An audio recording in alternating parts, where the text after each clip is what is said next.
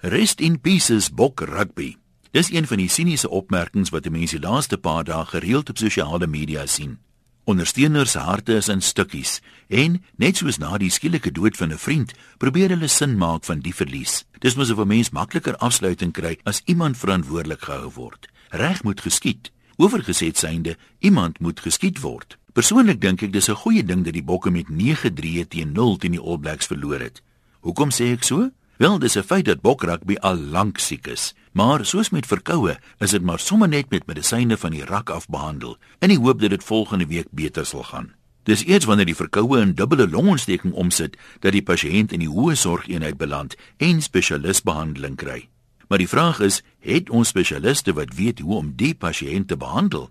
Hoopelik sal daar nou ernstig besin word oor die toekoms van bokrugby en na die ware oorsake van die gesukkel gekyk word. Verskeie faktore speel waarskynlik 'n rol, maar ongelukkig soek die gemiddelde ondersteuner net 'n maklike oplossing. Een wat hom kan laat sê, ek het mos gesê, dis Kota se skuld of fire die afrigter. Hulle sê mos hoekom jy kry net twee soorte afrigters, die wat gefire is en die wat nog gefire gaan word. Oor die afgelope paar jaar is verskeie spelers se goeie vorm met Springbok kleure beloon maar ek kan nie aan een ding wat beter geraak het by die bokke nie. Na 'n belovende begin, verloor die speler vinnig vorm tot hy later eers weer elders moet gaan selfvertroue opdoen.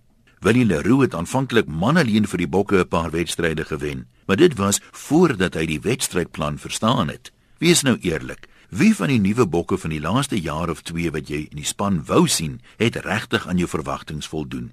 Mense sê die bokke speel sonder passie, maar vir my het dit nie so gelyk nie.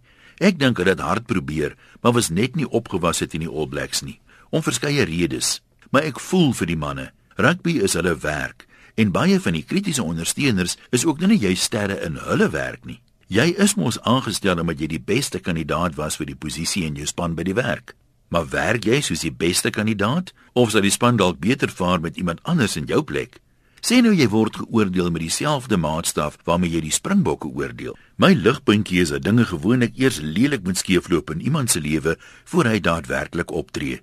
Net soos 'n alkolikus eers hulp soek as hy besef sy probleme so groot dat hy dit nie sonder hulp kan oorkom nie, sal Bokrak behopelik nou ook kop uit die sand trek en die ware probleme identifiseer. Voordat dit nie gebeur nie, sal oplossings nie gevind word nie.